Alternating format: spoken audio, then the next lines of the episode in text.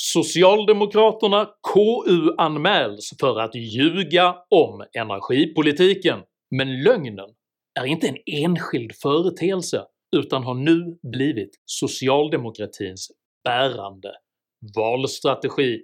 Jag heter Henrik Jönsson och jag är en oberoende libertariansk entreprenör och samhällsdebattör. Varför ökar antalet osanna utfästelser från politiker? Vem bär egentligen ansvaret? Och vad händer med ett samhälle där beskrivningen av verkligheten har blivit viktigare än hanteringen av verkligheten? Dessa frågor tar jag upp i veckans video. Jag far aldrig med någon osanning och är därför helt beroende av ert frivilliga stöd. Gillar du mina filmer så hjälper du mig att fortsätta kunna göra dem om du stöttar mig via något av betalningsalternativen här ute till vänster. Så ett stort, stort tack till de av er som gör dessa filmer möjliga. Är du ny här på kanalen så kan du dessutom med fördel prenumerera här nedanför. Se även till att klicka på den där luriga klockikonen men se framför allt till att skriva upp dig på mitt kostnadsfria veckobrev som finns länkat i videons beskrivning, så missar du garanterat aldrig när jag publicerar nya filmer, vilket jag gör med sanningsenlig precision varenda lördagsmorgon klockan 08.00 svensk tid. Idag talar jag om kommunikation, konstruktion och KU-anmälningar. Häng med!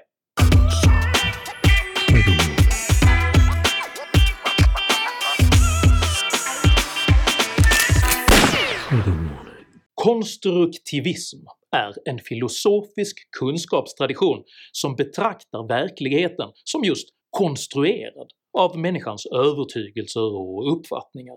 Denna konstruktivistiska föreställning sammanfattas i inledningen av den radikalkonstruktivistiske filosofen Ernst von Glaserfields tongivande bok “Cognition, Construction of Knowledge and Teaching”.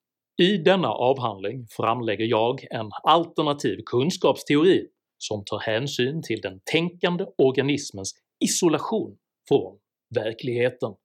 På grund av denna syn på människan som just isolerad från verkligheten framhåller konstruktivisterna istället den subjektiva upplevelsen som en fullgod föreställning om en av många olika möjliga verkligheter. Som konsekvens av detta ses ord, symboler och begrepp inte bara som beskrivningar av tillvaron utan som själva den kraft vilken skapar verkligheten. Denna föreställning är besläktad med den postmoderna utfästelsen att sanning skapas snarare än upptäcks och utgör även den relativistiska identitetsvänsterns ideologiska ryggrad, övertygelsen att makten vilar på rätten att beskriva verkligheten i högre grad än på förmågan att hantera verkligheten. De realpolitiska uttrycken för denna subjektiva och konstruktivistiska övertygelse blir dessutom fler i paritet med att diskrepansen mellan den beskrivna och den konkreta verkligheten ökar eftersom varje avvikelse från den konstruerade verklighetsbeskrivningen skapar behov av kompletterande beskrivningar, bortförklaringar och skuldbelägganden för att ens kunna existera.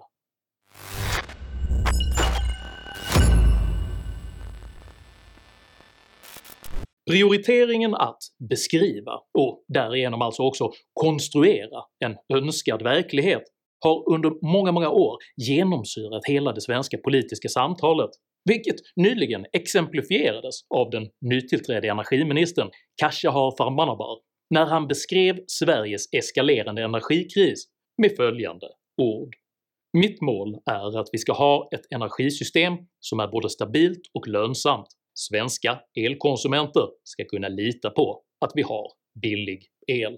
Denna förvisso lovvärda ambition följdes dock av påståendet. “Vindkraft kommer att lösa framtidens energiförsörjning”. Energiministerns utfästelse om både pålitlig och billig el utgör således ingenting annat än en konstruktivistisk besvärjelse, för frågan om den oplanerbara energiproduktionens destabiliserande inverkan på energisystemet undviker sedan ministern genom att avsiktligen låtsas missförstå frågeställningen som gällande detaljplaner för konstruktion snarare än energiproduktion. Hur mycket kan man planera vindkraften? Ja, man kan planera den lika mycket som alla andra energislag. Så att det, det, går, det, är klart att det kan finnas utmaningar med, med detaljplan eller var det ska ligga men det, det utmaningen har man oavsett vilket energislag man tittar på. Detta flagranta kringgående av verklighetens förutsättningar följs sedan upp med en debattartikel i Göteborgs-Posten där de skenande energipriser som regeringens egen energipolitik gett upphov till påstås vara en fråga om bidrag som oppositionen förhindrat. I veckan gick även regeringen ut med påståendet att man under hela det pågående arbetet drivit att kärnkraften ska ingå i kommissionens definition av hållbara energikällor. Detta är en direkt osanning eftersom socialdemokraterna för bara en månad sedan fastslog att man inte ville klassa kärnkraft som hållbar. Detta underströks av det faktum att att Miljöpartiet har lämnat regeringen verkar inte ha lett till en ny hållning i kärnkraftsfrågan. Dessa flagranta lögner ledde i veckan till att energiministern efter endast en månad på jobbet redan har KU-anmälts för att fara med osanning. Seriös kritik av denna typ hanterar den konstruktivistiska energiministern genom att reducera det hela till ett moraliskt och illegitimt kulturkrig. Vi har ett exceptionellt parlamentariskt läge som kanske ibland leder fram till den här typen av kulturkrig. Jag kan inte svara på varför vissa gör det här till ett kulturkrig, men jag kan konstatera att det gör det. Användningen av begreppet kulturkrig är symptomatisk för den konstruktivistiska verklighetsbeskrivningen eftersom detta begrepp utan närmare förklaring associerar alla perspektiv, alla åsikter och alla kulturyttringar som utmanar vänsterns verklighetsbeskrivning med demokratifientlig och omoralisk populism. På detta sätt konstrueras alltså en förskönad bild av verkligheten utan bäring på den konkreta verklighetens förutsättningar, som dessutom immuniserats mot kritik. Krig är fred, okunskap är styrka och med en konstruktivistisk verklighetsbild kan den lögn man för ögonblicket yttrar omedelbart transformeras till sanning.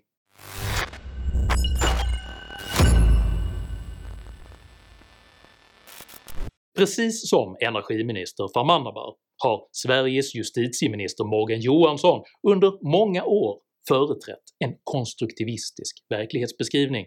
Redan för 20 år sedan fastslog Johansson att Sverige inom 10 år skulle vara narkotikafritt, en utfästelse som sedan i stort sett årligen har följts av olika löften om att kriminaliteten på alla upptänkliga sätt ska knäckas. I den rådande valrörelsen konstruerar Johansson nu en tuffare bild av Sveriges stundande verklighet, bland annat genom att vilja göra det möjligt att avhysa bråkiga individer från simhallar och bibliotek. Fler personer ska kunna portas från fler platser. Regeringen föreslår nu att tillträdesförbudet utökas till att gälla också bibliotek och simhallar.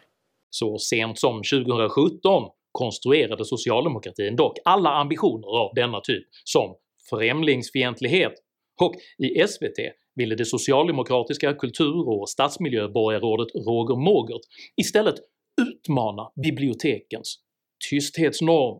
Det, det som stör mig är att vi bara när vi pratar problemen så pratar vi mycket ytterstad. Vi pratar sällan men om, om att... Äh, men säger du emot själva verklighetsbilden här?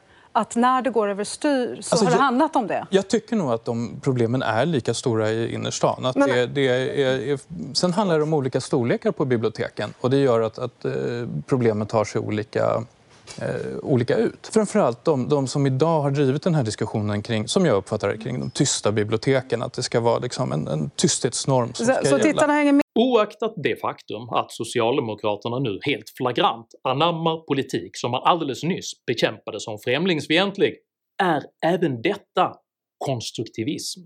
För det finns nämligen ingen plan för hanteringen av de frågor man säger sig vilja ta tag i, bara en ny beskrivning av dem. Enligt förslaget ska personal kunna anmäla den som bråkar eller begår brott till åklagare som då har möjlighet att utfärda tillträdesförbud. Enligt justitieministern stödjer sex av tio biblioteksanställda förslaget. Men på biblioteket i Enskededalen har man dubbla känslor. Visst förekommer störningar, men tanken att agera väktare och anmäla stökiga och kanske påtända besökare lockar inte. De flesta tänker så här, men vem ska vem ska sköta det? Då undrar jag så här, många inom biblioteks och simhallsvärlden undrar säkert hur det här ska gå till i praktiken. Ska man, hur ska de kolla identiteten på de som stör och hur ska de i praktiken stänga dem ute? Vad kan du säga till dem? Ja, man tar ju naturligtvis legitimation av vem det är och sedan så går man till åklagare med det och eh, säger att den här personen är en, är en person som återkommande trakasserar andra, hotar andra. Han ska stängas av från, min, från vår simhall. Och sen granskar åklagare det och så kommer man med ett sådant beslut. Om man då ändå dyker upp och vill in på simhallen eller i biblioteket, ja då blir det en fråga för polisen eh, i så fall. Får man tillkalla polis om man inte lämnar platsen eh, helt enkelt. Den information jag har är att det, är att det här fungerar eh, på ett eh, tillfredsställande sätt. På samma sätt dikterar justitieministern nu att polisen aktivt ska söka upp illegala invandrare detta är en politik man tills helt nyligen beskrev som antihumanitär och djupt omoralisk, men som nu utgör en ny beskrivning av verkligheten utan bäring på praktisk hantering av verkligheten. Men Polisförbundets ordförande Lena Nitz tror att det blir svårt med tanke på polisens arbetsbörda. Polisen är ju redan i ett ansträngt läge på grund av den rådande polisbristen och vi ser idag hur polisen måste flytta runt sina resurser för att stärka upp i Stockholm eller vid gränserna för kontroll av covidpass och så vidare. Så man hinner eh, inte med att stävja den ökade kriminaliteten eller det viktiga förebyggande arbetet. Och hur ska man då dessutom hinna med den här uppgiften? Dessa konstruktioner speglar dåvarande inrikesminister Anders Ygemans utfästelse från 2016 där uppemot 80 000 migranter utan asylskäl beräknades utvisas. Ministerns beskrivning av verkligheten saknade nämligen helt uppbackning av praktisk hantering av verkligheten. Faktum är att man under 2017 endast lyckades genomföra 23 469 kontroller vilket nästan motsvarade en halvering jämfört med fem år tidigare. Under de två första månaderna 2018 fortsatte dessutom antalet kontroller att falla. Detta är skillnaden på den beskrivna verkligheten och den hanterade verkligheten.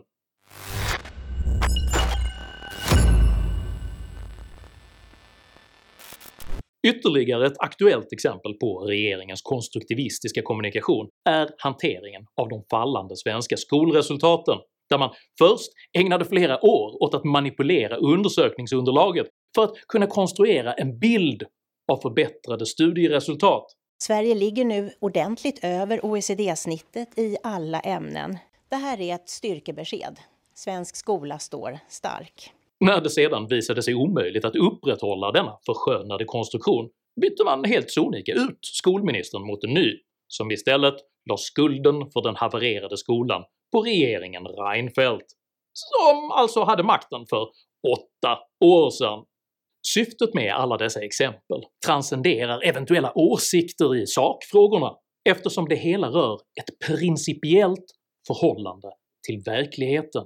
Räcker det att, som den konstruktivistiska vänstern anser, säga saker, eller måste man göra saker för att verkligheten ska förändras?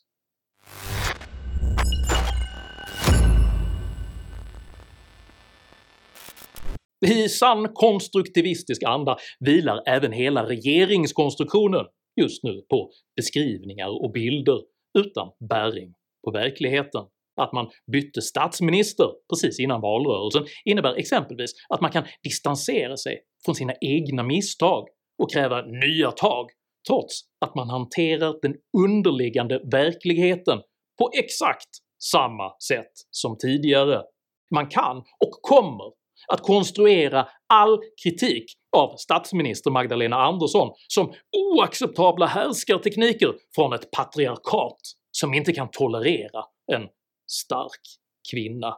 Man kommer att konstruera allt mer förryckta påståenden om att all opposition är blåbrun och demokratiskt illegitim, samtidigt som man själv på allt fler områden assimilerar deras sakpolitik.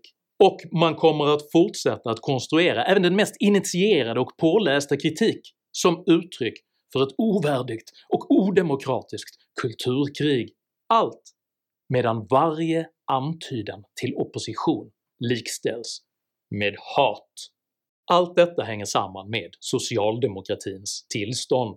Man är ett sargat parti med medelmåttiga företrädare och ett allt sämre rekryteringsunderlag som dessutom har förlorat sin naturliga väljarbas och nu istället tvingas tråckla ihop allt mer krystade samarbeten och kompromisser för att kunna behålla makten. Och det är ytterst detta som allting handlar om. En socialdemokrati som inte längre kan bedriva effektiv politik kommer helt enkelt att hitta på och säga exakt vad som helst för att kunna konstruera en verklighetsbild som upprätthåller deras egen makt. Eller för att citera Groucho Marx “Jag håller hårt på mina principer och om de inte passar så har jag andra”. Det bärande problemet med denna ordning är att allt för många väljare låter sig duperas av politikernas osanningar. Somliga väljare är ointresserade av politik och röstar på ren känsla. Andra glömmer vad som har sagts tidigare, och många tror helt enkelt rakt av på allt som sägs. Acceptera det inte! Konfrontera, dissekera och avslöja varenda lögn som vänstern häver ur sig så att så många som möjligt ser det. Bidra bland dina egna vänner med att, alltid artigt, dekonstruera vänsterns konstruktivism. För ytterst är det alltid omöjligt att upprätthålla bilden av en verklighet utan att hantera denna verklighet. Eller som det står i Johannesevangeliet 8.32 “Ni ska lära känna sanningen, och sanningen ska göra er fria”. Tycker du det är viktigare att konkret hantera verkligheten än att teoretiskt beskriva verkligheten? I så fall tycker jag att du ska dela den här videon med dina vänner, och varför inte prenumerera på min YouTube-kanal när du ändå är i farten? Har du egna erfarenheter av socialdemokratins lögner och dubbelspel? Dela i så fall gärna med dig av dina upplevelser i kommentarsfältet här nedanför. Jag uppskattar all respektfull kommunikation. Kom dock ihåg att alltid vara artig. Jag accepterar inte aggression, personpåhopp eller rasism i mina idédrivna kommentarsfält. Tack för att du som kommenterar respekterar detta. Jag heter Henrik Jönsson, och jag föredrar hantering framför beskrivning. Tack för mig och tack för att du har lyssnat.